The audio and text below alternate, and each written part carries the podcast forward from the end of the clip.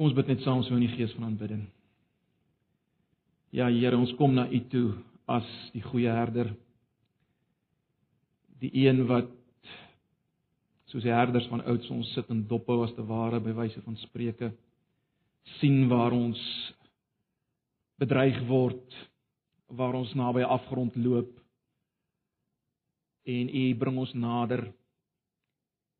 U beskerm ons, U veg vir ons en U lei ons na groen weivelde waar ons versterk kan word en na waters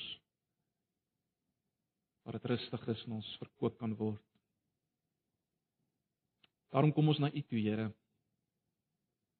En ons kom met vrymoedigheid juis nie omdat daar in ons as skape iets is om op te roem iets waar ons kan goed voel nie Maar ons kom juis na U toe omdat ons die skape is en U is die herder. En U is ook die een wat U lewe gegee het in ons plek. Gesterf het. Kruisig opgestaan het in ons plek. sodat ons aanvaarbaar kan wees voor die Vader op grond van u lewe en die sterwe in ons plek. Ag Here, dit alleen is ons hoop vir oggend. Deur die geloof, soos ons al vanoggend reeds gehoor het. En nou is ons verwagting dat U ook vanoggend met ons sal kom praat en ons Vader sal kom bemoedig en sal kom versterk as skape. Want dit wil ons seker is. Dit wil ons bang is. Dit wil ons twyfel juis aan ons herder. Kom Here, kom bemoedig en versterk ons. Spreek ons aan deur die woord en die werking van u Heilige Gees, asseblief. Amen. Broers en susters, ons is reeds steeds besig met ons reeks in Genesis. Nou ons gaan volgende gedeelte wat ons dek is eintlik Genesis 37 tot 40. Nou julle sal nou al weet met 'n uh, die uh, verhalende boek soos Genesis uh lees ons nie so seer een gedeelte en lê hom eksegeties uit nie. Dis verhalend, ons werk bietjie anders daarmee. So ek gaan nie nou alles lees nie want dan gaan ons verskriklik lank besig bly. Maar asseblief hou julle Bybels oop want ons gaan spesifieke verse lees wat nodig is uh om te verstaan, te begryp as ons uh, as ons die boodskap wil wil volg. So hou julle Bybels byderhand. Uh, ons gaan nie nou dadelik lees nie. Maar ons gaan wel deeglik hierdie gedeeltes onder oog kry. Nou, broers en susters, ek dink nie ek is verkeerd as ek sê dat die die gemiddelde moderne westerse mens en uh dit sluit ons as Christene in. Ons hou nie van wag nie en ons hou nie van sukkel nie. Ons wil 10 minute 'n dag oefen en dan wil ons binne 'n week soos 'n liggaamsbouer lyk sonder seer spiere. Ons wil 10 maklike stappe hê vir 'n suksesvolle huwelik sonder enige konflik. 5 stappe oor hoe om jou kinders te hanteer sonder te veel trane en te veel gebed. Ons wil maklike Bybelstudie gids hê, lekker groot gedruk.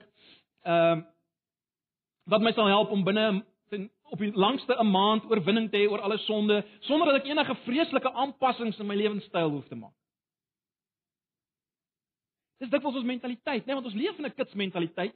Ons het nou verlede Sondag het ek 'n uh, bietjie gepraat oor die die af uh, ons selfoon afgooitjies, maar dit dit dit help ons natuurlik nie veel nie want uh, dit dit dra by tot hierdie kits omgewing waarin ons leef. Maar die probleem nou is as ons kom by by ons geestelike lewens. Broers en susters, is dit nie so dat dat as ons nie voel dat God by ons is nie. En as ons drome en plannetjies nie vinnig uitwerk soos ons dit beplan het nie, dan kom ons tot die konklusie wel God is seker nie by ons nie.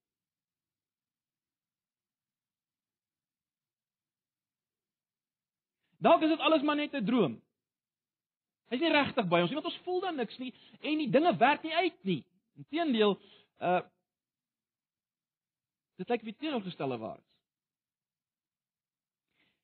En broers en susters, hierdie mentaliteit, as ek dit so kan noem, lei tot groot frustrasie, is dit nie in ons in ons in ons lewens, in ons Christelike lewens? Hoekom lei dit tot groot frustrasie? Wel, omdat God Die God wat ons nou in Genesis sien werk het, broers en susters, hy werk juis anders. Anders as hierdie kitsmentaliteit wat ons het, waar ons gewoond is, die kitskultuur waarin ons leef. Hy werk anders. Het ons dit nie tot nou toe in Genesis gesien nie? Dink maar net, Genesis 3 vers 5 en die belofte dat daar een sal kom wat die die slang se kop sal verbrysel. Dit sou duisende jare vat voor dit gebeur. Dink aan die belofte aan Abraham. Jy sal 'n geweldige groot nageslag hê. Abraham is 100 jaar oud toe Isak gebore word. En dan word hy nog gevra om te gaan offer ook. En dink aan die belofte aan Abraham in jou nageslag sal al die nasies van die aarde geseën word.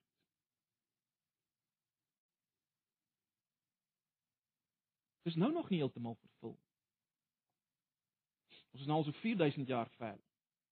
Hoe dit ook al sê, broers en susters, ons probleem eh, as ek dit so kan stel, ons probleemvrye lewensideaal van kitsoplossings bots eenvoudig met die God wat ons in Genesis leer ken. Né? Nee. Uh in hierdie gedeelte wat ons nou na gaan kyk, uh is, is baie bekend. Hierdie gedeelte is ook ook een van die redes hoekom ek dit nie lees nie. Uh Josef is 'n slaaf, 'n slaaf in Egipte. Ons ken die verhaal. Uh, Hy's daar as gevolg van sy broers se se jaloesie en se se haat. En net soos Josef begin om as te ware die leer te klim, weet ons word hy onregverdig beskuldig en hy beland in die tronk. En luister, hy's getrou aan God. En net soos hy begin klim, dan beland hy in die tronk word onskuldig skuldig verklaar. En die vraag wat ons moet vra is dit: Was God by Josef? Was hy regtig by hom? Was God by Josef? By Josef? Is God by my en jou uh, as ek en jy veroonskynlik geen rede en ek sê oonskynlik as ek en jy veroonskynlik geen rede swaar kry, siek word, dood in die familie is wat die geval mag wees. Is hy by ons? En ek wil hê ons moet kyk na na hierdie gedeeltes vanoggend en in in in my My vertroue is regtig my verwagting dat die dat die Gees vir ons baie duidelik 'n antwoord daarop sal gee en versterking sal gee. Want ons het dalk die antwoord in ons kop vanoggend. Ek weet ons het die antwoord in ons kop. Ons vat dit nie. En en en ek vertrou dat ons dit sal vat vanoggend. Ek wil net hê ons moet vinnig bietjie net weer kyk na die groter prentjie wat ons uh, waarmee ons besig is. Julle sal nou weet, ons het gesien vanaf Genesis 12, né? Nee, waar God sy verbond sluit, 'n eetgeswore belofte met Abraham en sekere beloftes maak. Van daardie af kry ons struikelblokke in die waarmaak van God se verbondsbeloftes. Julle sal onthou. Sekerlik is die grootste een is kinderloosheid. Ek meen God het gesê Abraham gaan 'n ontsaglike groot nageslag hê en en heeltyd is daar kinderloos. Die vrouens kan nie kinders kry. En daar's hongersnood op 'n stadium. En daar's Lot wat wat wat dinge deurmekaar krap. En en en die vrouens beland in in in in ander man se harems. Wat alles bedreig. En elke keer bly God getrou en hy maak in en deur hierdie dinge sy verbondsbeloftes waar. Daar word kinders by byvrouens gekry wat ook dinge bymekaar deurmekaar krap en so en so meer. Dit wat ons kry veral in die eerste gedeeltes na Genesis 12. Maar later sal julle onthou, sien ons daar's daar's 'n nog groter bedreiging eintlik vir al God se beloftes en dit is hierdie verbondsfamilie as ek dit so kan stel. Die karakters. Die nageslag van Abraham. Daar is geweldige probleme. By Isak en Rebekka en dan val by Jakob en Esau. Verlede keer het ons gekyk na Simeon en Levi, liewe aarde. Maar God bly getrou. En God sorg dat sy verbondsbeloftes waargemaak word. Verlede keer het ons gesien hoe hy self Simon en Levi se definitiewe verkeerde goddelose daad toe al die ouens wat hulle self besny het met die swaard ombring. Ons sien hoe God dit inskakel en sy verbond bewaar. Met ander woorde, hy bewaar, sal julle onthou, die die verbondsvolk van ondertrouery en natuurlik dan die einde van al sy beloftes. Hy hy hy skakel as te ware hierdie ding van Simeon en Levi in. Hy bly getrou. Ten spyte van van die volk en daaroor uh, julle sal onthou ons het daaroor gepraat die die die gevaar dat hulle God eintlik sou gebruik soos 'n prostituut. Net vir hulle eie voordeel. Ten spyte van dit alles bly God getrou. Nou as ons kom by by Josef se geskiedenis dan dan word ons weer broers en susters gekonfronteer met hierdie verbondsfamilie. God se mense op aarde op hierdie stadium. Onthou dis sy mense op aarde, niemand iemand anders nie. Net net daai klomp, dit is sy mense op aarde. En in die Josef verhaal word ons weer daarmee gekonfronteer. Daar's erge probleme. En en die, en die vraag is weer eens, gaan God met hulle voort? Moet hulle die lig vir die wêreld wees? Hulle kom nie eers met mekaar klaar nie. Gaan God hulle bewaar? Dink aan Genesis 37. Ek weet julle ken Genesis 37. Waar ons sien hoe uh Josef se ouer broers hom haat, hom verkoop as 'n slaaf, in 'n put gooi, let wel, verkoop. Vreeslike lieg leen storie vertel vir hulle pa. Hierdie is broers en susters, dis die verbondsvolk. Dis God se mense van daai tyd. Iemand anders nie, dis hulle. Dis God se mense. En net as die mense begin wonder, uh aan die einde van hoofstuk 37 begin ou wonder, maar wat gaan nou word van Josef? Hy's nou in die put gegooi. Wat gaan word van hom? Net as jy daaroor begin wonder, dan kom jy boef in hoofstuk 38, 'n hoofstuk wat ek amper te skaam is om te hanteer in die in die in die in die in die, in die erediens. Geweldige gedeelte van Juda en Tamar, verkrachting en al hierdie goed. En mens wonder as dinge so sleg loop, loop in hoofstuk 38, wat gaan gebeur met Josef? En dan eindig hoofstuk 38 baie interessant met twee kinders wat gebore word en en en die die jongste ene wat uh wat eintlik voor die oudste ene uitkom en gebore word met 'n met so 'n poging. En waarskynlik wil die skrywer vir ons daardeur iets laat verstaan van wat gaan gebeur, dat ons kan verwag dat Josef die jongste gaan bo uitkom. Waarskynlik is dit 'n literêre ding wat daar ingebou is. Uh, hy wil hê ons moet verwag dat Josef gaan bo uitkom, die jongste een. Maar hoe gaan dit gebeur? Hoe kan dit gebeur? Gaan God daarbey betrokke wees? Kan ons verwag God gaan daarbey betrokke wees as Josef gaan bo uitkom? En dis waar ons gelos word voor ons kom by hoofstuk 39. So nou gaan ons kyk na hoofstuk 39 en weer eens die vraag op die tafel is dit broers en susters. En let wel ek verander my vraag nou so bietjie. Is God met mense wat deel het aan sulke gebrokenheid? Is God met mense wat deel is van sulke families? Is hy by hulle? Dis dis die vraag waarna ek wil hê ons moet kyk. Kom ons kyk na Josef en Potifar se huis. Blaai nou hoofstuk 39, kom ons lees net vers 2 saam. Hoofstuk 39 vers 2.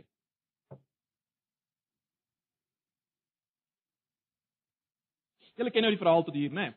Josef wat uh, in die put gegooi is, uiteindelik kom ouens daar en haal hom uit die put uit en toe sit nou die hierdie Egiptenare en en en Moses beland in hierdie ou Potifar se huis. En luister nou na vers 2. Die Here was by Josef en dit het, het baie goed gegaan met hom. Hy het in die huis van sy eienaar Egiptenaar gebly. Nou, dis natuurlik hoe ons daarvan hou, né? Nee, dit, dit, dit dit val in ons smaak. Ek meen God moet by ons wees en ons suksesvol maak en hoe gouer hoe beter. So ons hou van hierdie vers. Dit pas dit pas vir ons. En natuurlik hierdie sukses moet duidelik wees vir almal. Nou die punt hier is dit is so Josef was voorspoedig, hy was suksesvol, maar miskien moet ek net dit dadelik sê broers en susters, uh ek dink ons moenie die fout maak om te dink dit was alles baie vinnig oornag dat dit plaasgevind het. Ek dink ons moet net net so 'n bietjie daar daaroor dink dan besef jy dit. Natuurlik word net in 'n paar woorde hier gesê dat dit baie goed met hom gegaan en so aan. Maar maar, maar dink 'n bietjie mooi daaraan. Josef het heel waarskynlik 'n baie langer pad ge, gestap.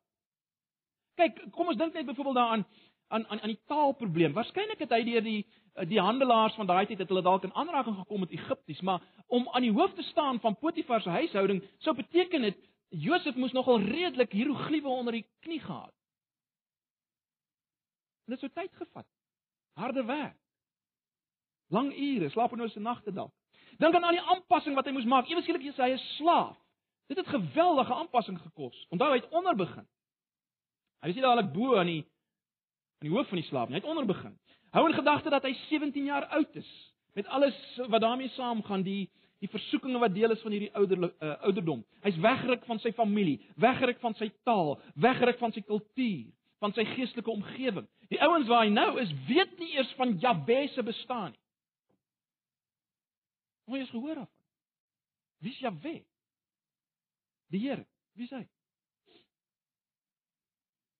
En tog hou hy vas aan die aan die Here en en en en hy word self sterker in sy geloof deur God se genade. Maar goed, die groot ding is wat ek wil hê ons moet raak sien is net dit broers en susters, God se seëning, God se by Josef wees.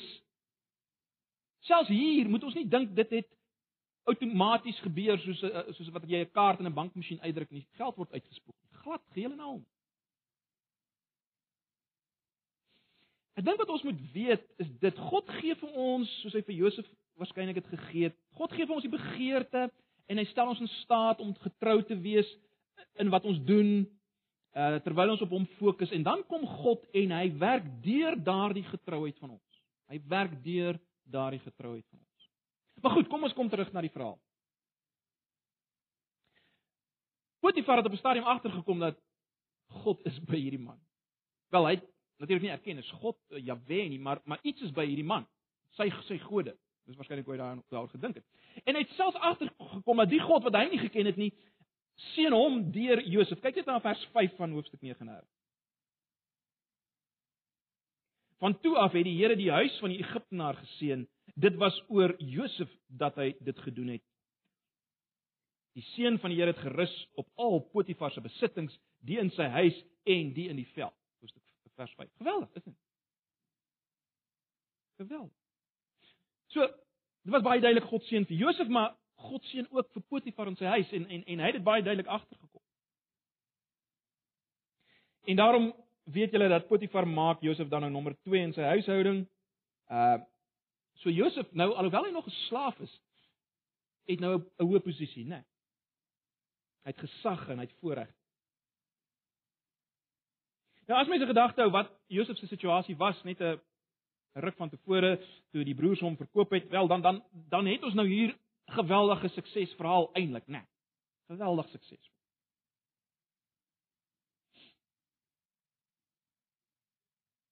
En dit bring ons by ons tweede punt. Tweede punt daar op die bulletin. Broers en susters, ons word nie ingelig deur die die skrywer hoe lank Josef hier op die kruin gery het van aan die hoof wees van Potifar se huishouding. Ons weet nie hoe lank dit geduur het. Ons kan ons kan daaroor spekuleer. Maar maar ek dink tog dat dat wat ons moet raak sien en wat wat die Here wil hê ons moet raak sien, die Heilige Gees wil hê ons moet raak sien is dat dit het nie so gebly nie. dit het nie so gebly nie. Om die waarheid te sê, juis as gevolg van sy beter posisie het hy in die moeilikheid gekom. Lyk dit vir my. Juis as as gevolg van sy beter posisie het hy in die moeilikheid gekom.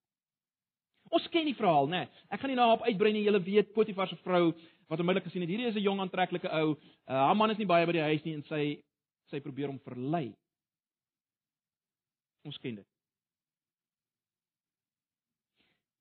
Dis tog betekenisvol hoe Josef reageer in vers 8 en 9. Kom ons luister net daarna, vers 8 en 9. Vrou wil hom verlei en dan sê hy uh, dan lees ons maar hy wou nie en hy het vir sy eienaar se vrou gesê: "Meneer, Meneer steur hom aan niks van dat ek hier is nie. Wat hy besit het hy onder my sorg geplaas. Vers 9. Daar's niemand wat in hierdie huis meer gesag het as ek nie. Meneer het niks van my teruggehou nie behalwe vir u, want u is sy vrou.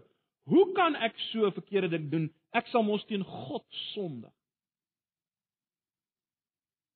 Nou hier's eh, hier's hier's 'n paar belangrike dinge wat ons in hierdie vers moet sien, dink ek vir vir vir ons as ons in 'n situasie van versoeking is, uh soos as 'n ware in 'n stryd is, gaan ons Sondag of nie. Dis 'n paar dinge wat ons moet raak sien. Dat Josef besef hier baie interessant, hy besef sy verpligting teenoor die bo hom. Potifar in hierdie geval. Ek en jy is ons Sondag is baie keer iemand bo ons. Iemand naby ons wat geraak word. Hy dink aan die groot voorregte wat hy oor die stadium geniet het. Wat daarmee heen gaan wees. Voorregte wat die Here hom gegee het. En baie belangrik, seker die belangrikste van alles, broers en susters. Wat Josef raak sien en wat ek en jy moet raak sien is dat sonde in die laaste instansie teen God is. sien julle dit? Ek sal ons teen teen God sondig. Nie in die eerste plek teen Potifar nie. Nie in die eerste plek ek gaan in die moeilikheid kom nie. Ek gaan teen God sondig. Dit is die kern van sonde, is dit nie? Dawid het dit agtergekom. Uh na sy sonde met Batsheba. Hy het nie teen Uria in die eerste plek gesondig nie. Hy sê as ons in, in Psalm 51 lees dan sê, dan sê hy: "Dit u en u alleen het ek gesondig." Sonde is teen God en dit moet ons hier raak sien en Josef besef dit. Nou goed, terug na Potifar se vrou. Sy het natuurlik nie 'n verhouding hoegenaamd met die Here gehad nie en daarom hou sy aan en aan en aan elke dag by Josef. Uh en hy probeer om sy bes maar te ontduik, maar op 'n dag dan uh dan's al die ander slawe uit en sy vat haar kans en en ons ken die verhaal hoe hy letterlik moet wegruk van haar en sy skeur 'n stuk van sy klere af.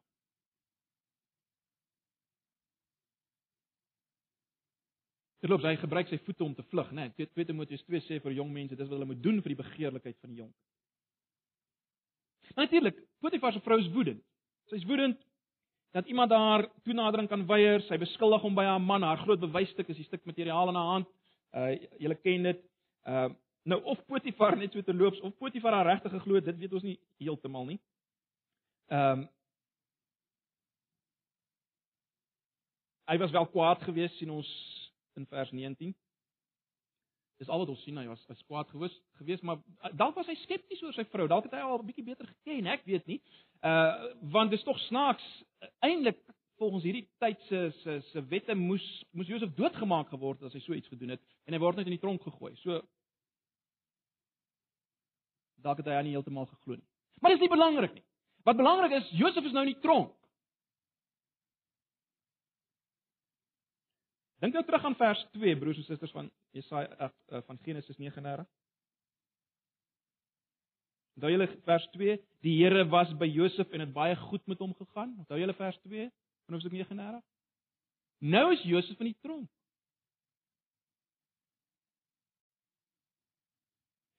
En die vraag broers en susters op die tafel is nou onmiddellik, alraai? Was God nou nog steeds met Josef?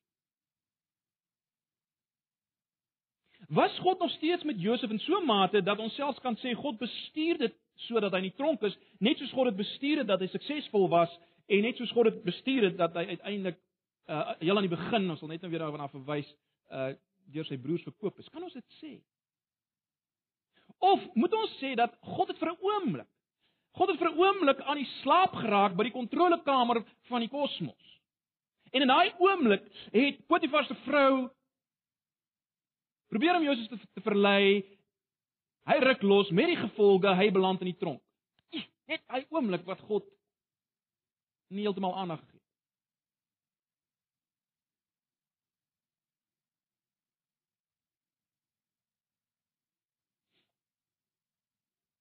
Dink 'n bietjie aan jou eie situasie vanoggend. Dalk voel jy vanoggend Ons gebruik gebruik maar die beeld van die tronk. Dalk voel jy jy's in 'n tipe tronk vanoggend. Ek weet nie. Uh dalk uh, dalk fisies. Gevolg van 'n siekte toestand. Dalk emosioneel. Dalk in 'n verhouding. En dalk vra jy baie ernstig. Dalk nie vir ander mense nie, nie hoorbaar nie, maar in jou binneste vra jy, maar waar op aarde is God? Is hy by my? Is hy bewus hiervan? voel hy iets. Broers en susters, ek dink nie ons moet ons moet die fout maak om te dink Josef het nie dieselfde gevoel nie. Ek twyfel of Josef homself gesê het, "Wel, ek weet God is in beheer. Hierdie tronk situasie is eintlik heel heel aangenaam." Twyfel. Ons moet onthou broers en susters, God het nie met Josef gepraat nie, hoor. As geen aanleiding dat God met Josef gepraat het nie. Daar's nie aanleiding dat God vir Josef 'n droom gegee het. Wie die staat oor oor sy situasie wat dit vir ons verduidelik en sê Josef moenie worry nie, dit gaan nie lank wees nie, dit gaan verbygaan, byt net vas. Nee, ons sien niks daarvan nie. Om die waarheid te sê broers en susters, ek wil dit waag om te sê ek en jy is in 'n beter posisie as Josef op hierdie stadium. Om te weet wat aangaan, as ek dit so kan stel. In 'n ander woord, as ek en jy in soortgelyke situasies is, ek en jy kan eintlik beter weet wat aangaan as Josef. Ons dink nie so nie, maar dit is dit is 'n feit. Dink bietjie waarmee het Josef gesit? Wat, het hy gehad om mee te werk? Hy het bloot gehad die verhale van van van van van Abraham, Isak en Jakob. God se verbondsgetrou, hy hy hy hy dit gehad. En dan kan ons miskien verwys na die droom wat hy gehad het uh as kind. Maar dis wat hy gehad het. Want hy moes werk in hierdie situasie waar hy nie weet wat gaan aan nie. Wat het ons? Wel ek wil nou daarop uitbrei nie, maar broers en susters, ons het die finale woord van God in Jesus, Hebreërs 1 vers 2. Ek gaan net nou daaroor praat. Ons het Jesus om na te kyk, die leidsman en volëinder van ons geloof. Ons kan ons kan nog baie beter sien hoe werk God en hoe moet ons dink oor ons eie situasie as Josef.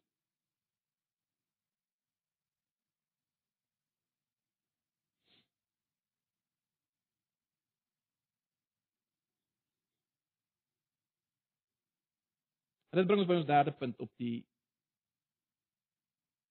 op julle preekraamwerk. Blaai na Genesis 39 vers 21 tot 23.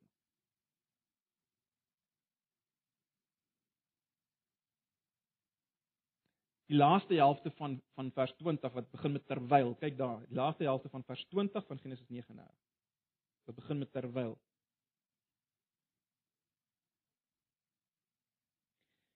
Terwyl Josef daar in die tronk was, was die Here by hom en hy het Josef sy troue liefde laat ondervind sodat die tronkbewaarder hom goedgesind geword het. Hy het vir Josef in beheer geplaas van al die gevangenes in die tronk en van alles wat hy moes doen. Josef was vir alles verantwoordelik en die tronkbewaarder het nie meer na iets omgesien nie alhoewel ekskuus na iets omgesien nie. Alles was in Josef se hande want die Here was by hom. Wat Josef ook al aangepak het, die Here het dit laat slaag.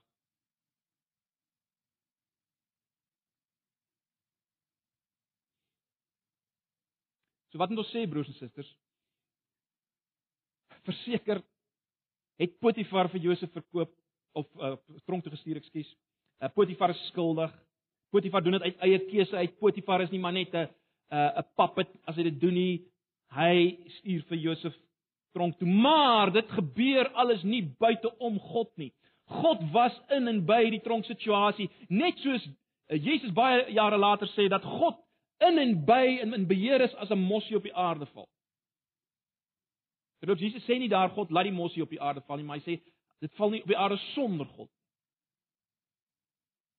God is by en in beheer van die situasie. Verseker het Josef nie verstaan wat alles nou gaan gebeur nie. Die planne van God was nie sigbaar nie.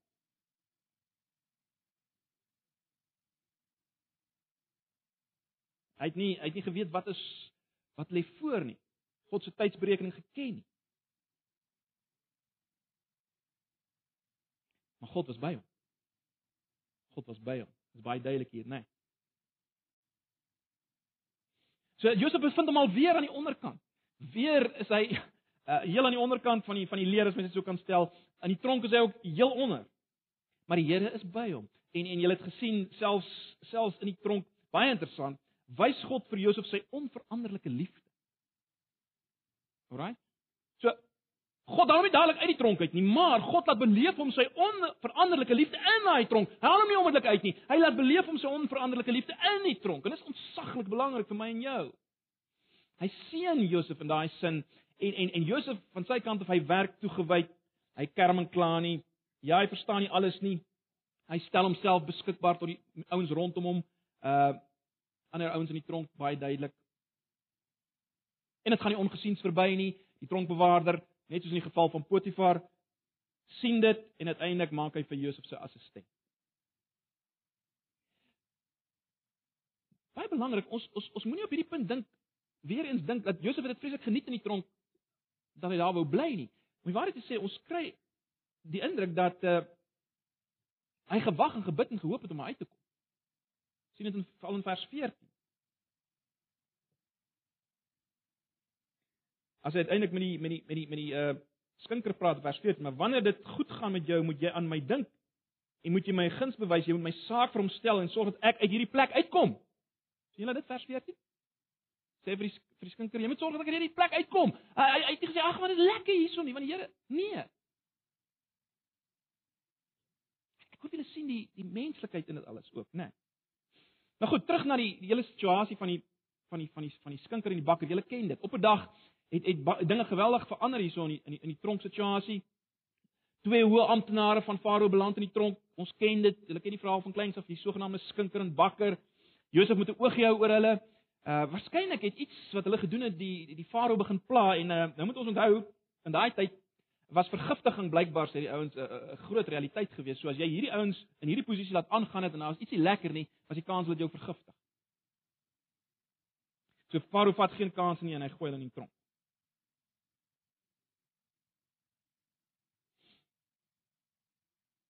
Ons ken die verhaal. En ons het nou gesien in vers 14 dat Josef sien dit as 'n geleentheid om uit die tronk te kom, as geen twyfel nie. Hy pleit dat hierdie skinker hom uh sal onthou. Ek gaan nou nie uitbrei oor wat gebeur het in uh in die, in die waarword van die van die droom nie. Julle weet dit, né? Nee, die die bakker het dit nie goed genoem gegaan nie. Uh ek wil nie daarop uitbrei nie en en die skinker is herstel. Maar broers en susters, wat ons nie, ek dink nie ons moet mis nie, is dat Josef moes baie opgewonde gewees het. Uiteindelik was daar die kans dat hy hier kan uitkom. Hy, hy het waarskynlik gedink hoe lekker gaan dit wees om weer sy ouers te sy pa te sien en en vir Benjamin te sien en so meer. En ek wil my verstout om te sê sy logika het waarskynlik gewerk op hierdie manier. Hy het gedink hierdie hierdie gebeure van die skinker en die bakker Dis die ding wat God gaan gebruik om hom uit te kry. Dis waarskynlik hoe hy gedink het. Dis die ding wat God gaan gebruik om hom uit te kry. Net soos ons ook maar in sekere gebeure God se hand raak sien en dink, maar dis nou hoe God gaan antwoord. Kyk, dit dit dit lyk my dis die manier hoe God gaan antwoord. Waarskynlik dieselfde met Josef. Hy het gedink hierdie is nou die geleentheid.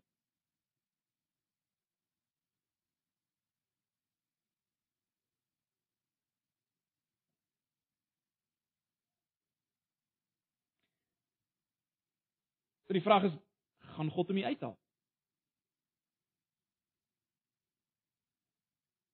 Hy wel die Here se liefde beleef in die tronk, maar gaan God hom uithaal? Dis die vraag. En dit bring ons by ons vierde punt op die uh preekraamwerk. Blaai bietjie na Genesis 40 vers 23. Skrywer onder leiding van die Gees wil ons hierdie hierdie woorde laat sien wat nogal diep sny, is dit nie? Dan nou Josef se verwagting, dis hoe God gaan werk. Dis hoe God gaan antwoord en dan vers 23. Maar die hoof van die skinkers het nie aan Josef gedink nie. Hy het van Josef vergeet. En dan vers 41 se eerste deel is nog harder. 2 jaar later het die farao droom gehad. Ons gaan nie nou daarna kyk. Ek wil net ons met hier stil staan. Geweldig. Broers en susters, ons lees so maklik oor hierdie dinge, maar maar dink jy weer in in Josef se situasie, nê? Nee, sy hoop het ontsaglik opgevlam. Ek meen iets vreemds gebeur in die tronk dat hierdie twee ouens daar beland, uh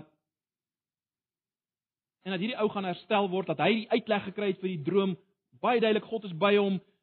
Hierdie ou kan ek bedoel dis dis net logies, dis die enigste ou wat met die farao kan praat. En hy gaan hom laat uitkom. Stel jouself voor, stel jouself in Josef se posisie. Die hoop het opgevlam. En ek en jy weet hoe is dit as daar as as as hoop opvlam in ons en dit word weer verydel, nê? Nee, ons ons baie van julle sal daarmee kan identifiseer. Baie keer is dit eintlik beter dat jy nie gehoop het nie, nê? Nee, as wat jy gehoop het en dit gebeur nie.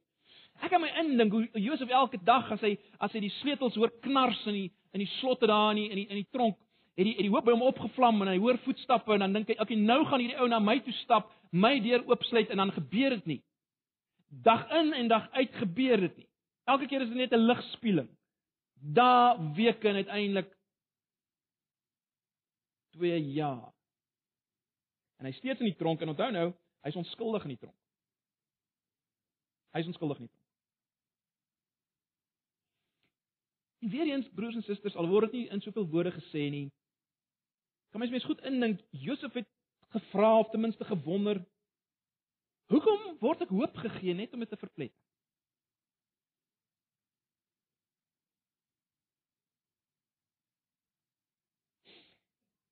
En dis vrae wat ons nie kan beantwoord nie, né? Nee. dis vrae wat ons nie kan beantwoord nie. Dat ons wel vol nie volgende eers gaan probeer beantwoord nie.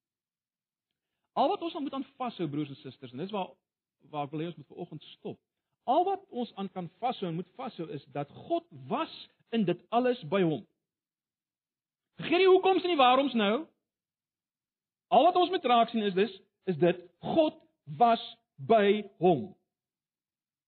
Dieselfde God wat aanvanklik gesorg het dat sy broers hom gekry het. Uh, as jy ek wil julle net vinnig terugvat na Genesis 37. Dis 'n ou versie wat baie baie maklik by ons verbygaan. Genesis 37. Ek weet nie of die vrouens by die Bybelstudie daarin of julle uh, daarna gekyk het nie. Uh dit kan maklik verbygaan en vreeslik natuurlik klink. Genesis 37 vers 17, heel aan die begin. Uh as Josef na sy broers moet gaan, dan lees ons in vers 16 van Genesis 37, Josef uh antwoord hom ek soek my broers, dis nou ehm um, is hy het 'n man gekry daar in vers vers ehm um, vers 15. Toe in die veld rondgestap het, toe kom 'n man daar by hom en die man vra hom wat vir Josef, wat soek jy? Né? Nee? 'n man wat daar rondgestap het en hy vra vir Josef wat soek jy? Baie interessant. Josef sê vir hom dan in vers 16 toe antwoord uh, Josef antwoord hom: Ek soek my broers, kan jy my dalk sê waar hulle die klein vee oppas? Vers 17 toe sê die man: Hulle het van hier af versit. Ek het van ek het gehoor hulle sê hulle wil na Dothan toe gaan. Josef is toe agter sy broers aan en hy het hulle by Dothan gekry. Nou, mens kan baie maklik net vinnig daaroor lees, maar die die punt is broers en susters, het julle al gedink wat sou gebeur het as Josef nie sy broers by Dothan gekry het?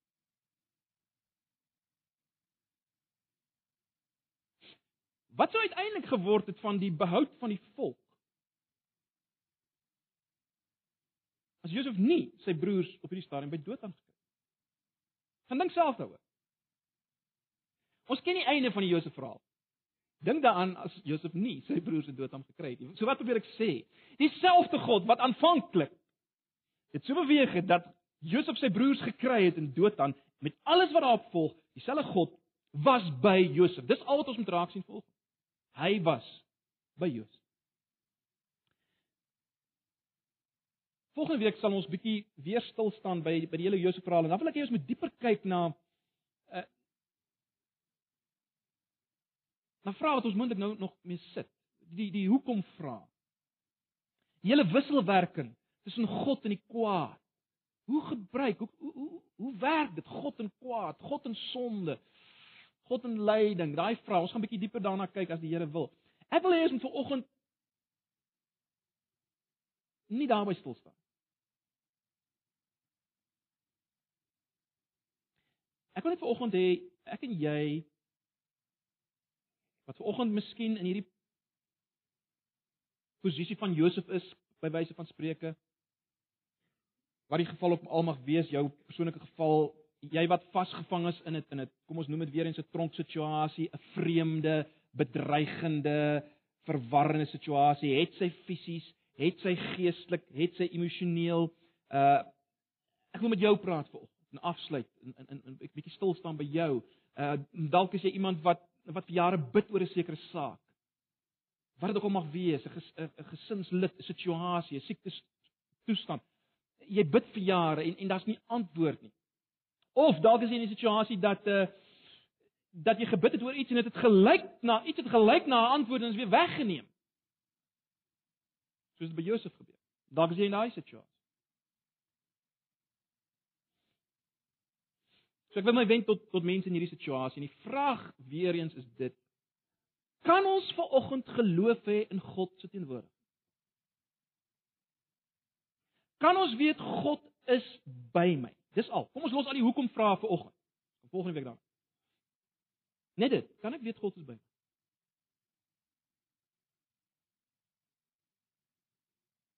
En my antwoord is, en ek weet julle verwag dit. My antwoord is ja.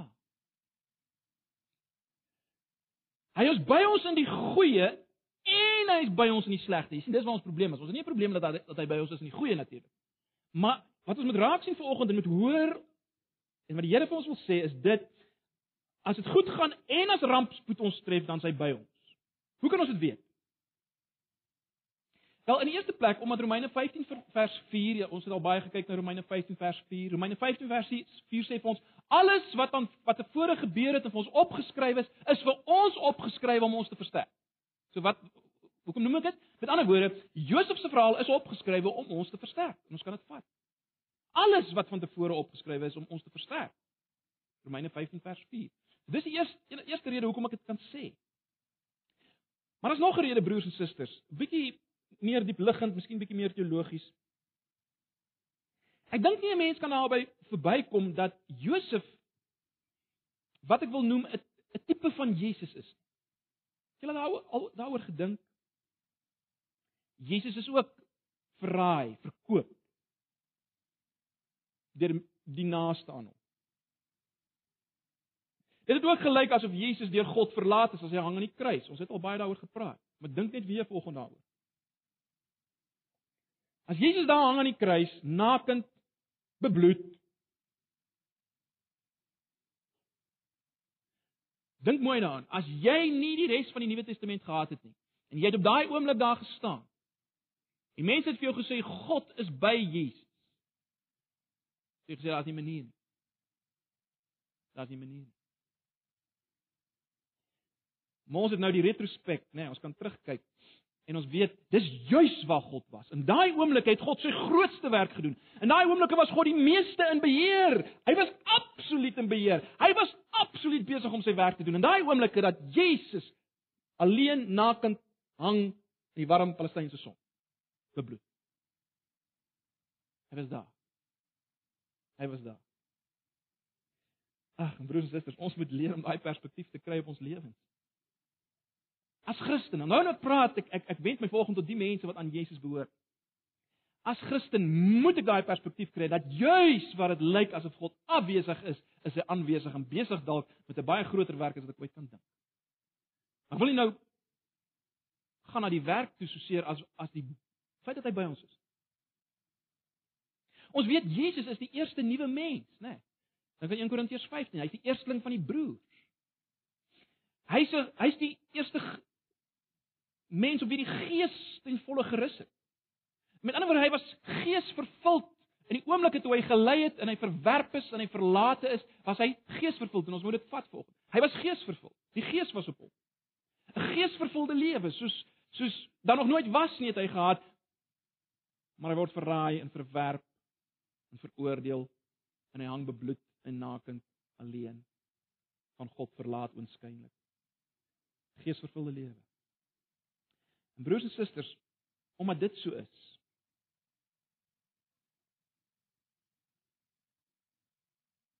kan ons dit vat vir oggend. Dat God by ons is. Want Jesus is die eersteling van die broers en ons volg hom. Ons weet dit. As ons in hom is, volg ons sy pad. En wat met hom gebeur het, gebeur met ons. En net so seker soos God by hom was, is God by ons. En dit moet ons vat volg. Jy nog sukkel om te vat dat die Josef verhaal vir jou is, vat dit. Hy is by ons, verseker. En daarom kan ons of moet ons glo ek luister na hierdie gedig van ag julle ken dit William Cowper of Cooper ek weet nie ouens spreek dit verskillend uit baie bekende ehm um, hymskrywer hy het die volgende gesê en ek ek lees net die laaste 3 verse van van van sy van sy lied Luister mooi, hy hy sê dit. Die lig van wat ek nou gesê het. Hoe moet ons reageer teenoor dinge wat ons met ons gebeur? Luister mooi, ek lees dit in Engels. Judge not the Lord by feeble sense, but trust him for his grace. En en jy ken die volgende frase, behind a frowning providence. He hides a smiling face. Nee. Amper ons sien God se fronsende gesig. Behind the frowning providence, he hides a smiling face. His purposes will ripen fast, unfolding every hour. The bud may have a bitter taste. Yeah. But sweet will be the flower. Blind unbelief is sure to err and scan his work in vain. In ander woorde, jy sien niks. God is his own interpreter and he will make it plain. Dis wat Kouper gesê het en ag broers en susters in die lig van wat ek nou gesê het, kom ons hou daaraan vas. Ons wat nie hou van sukkel en swaar kry nie. Ons wat hou van kits antwoorde en kits oplossings, kom ons hou vas aan dit wat Kouper sê. In die lig van wat Jesus deurgegaan het en ons wat hom volg. Kom probeer dit so saamvat.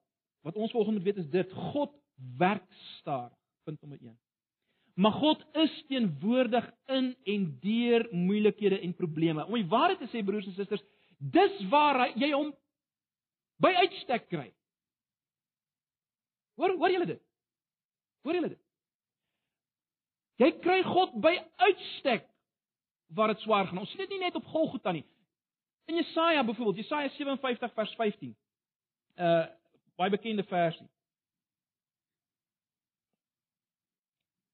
Jesaja 57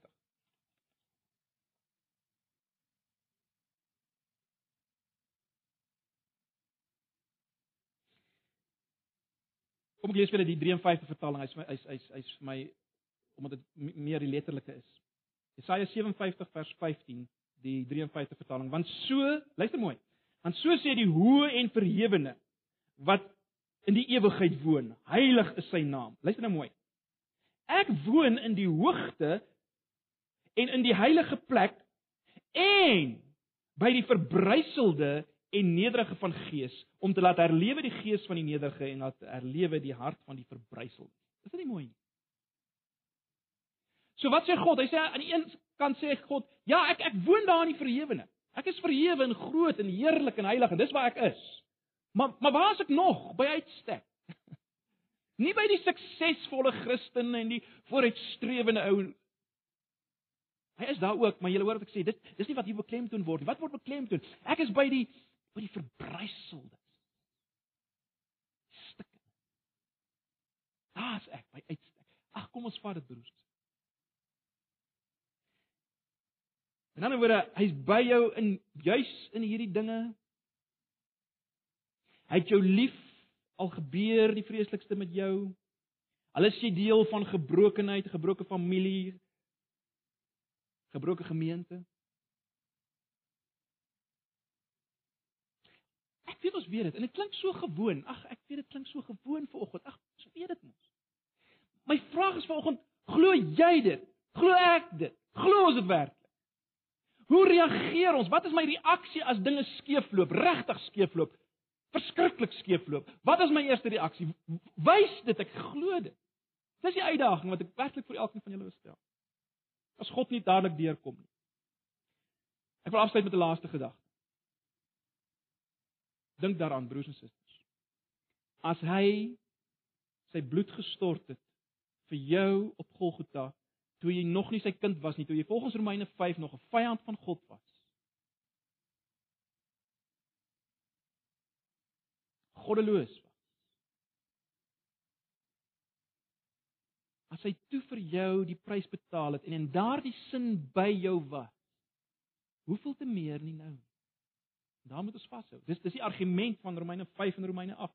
Hoeveel te meer nie nou nie. En dan die heel laaste gedagte. Onthou waarmee ons besig. God en sy verbond straf.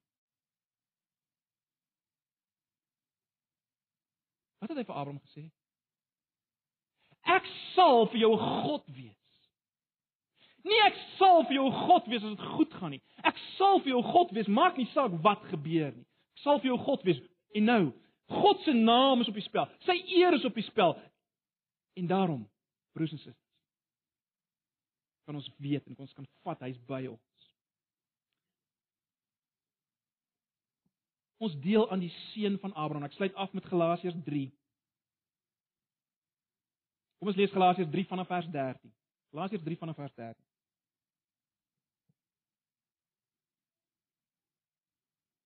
wat sê Christus het ons losgekoop van die vloek wat die wet meebring. Die vloek natuurlik wat die hele ou verbondstelsel meebring as jy dit verbreek. Deur in ons plek 'n vervloekte te word, daar staan immers geskrywe: "Vervloek is elkeen wat aan 'n hout opgehang is." So dis wat hy gedra het in ons plek. Dan lees my weer Deuteronomium 28 en al al die vloeke daar aan verbonde aan verbondsverbreeking. Maar nou vers 14 is belangrik. Daardeur, omdat hy dit gedoen het, kan ook hulle wat nie Jode is nie. Dis ek en jy, broers en susters, kan die wat nie Jode is nie deur Christus Jesus deel kry aan die seën wat God aan Abraham toegesê het. So het ons dan deur die geloof die Gees ontvang wat God beloof het. Baie interessant. Miskien nog duideliker in die 1953 vertaling. Gekoppel aan die seën van Abraham wat ons nou kry is die Gees van God. En wat is die Gees van God? Die Gees van God, broers en susters, is God by ons, God in ons. En dis die groot seën. En luister mooi, ek sê weer. Hoekom is dit vas en seker? Hoekom is dit vas en seker? Nie omdat daar iets in ons is wat so oulik. Dis vas en seker omdat God gebind is in aanhalingstekens aan sy verbondsbeloftes en sy hele karakter is op die spel. En daarom kan ek en jy weet hy's by ons. sy gees is in ons. Ook as alles skeefloop en verkeerd. Ag, mag die Here ons elkeen versterk en bemoedig. Dit wat ons sien in Josef se verhaal wat ons weet van Jesus en dit wat ons weet van God en sy verbondsbeloftes. Kom ons bid saam. Ag Here, baie baie dankie vir die woord.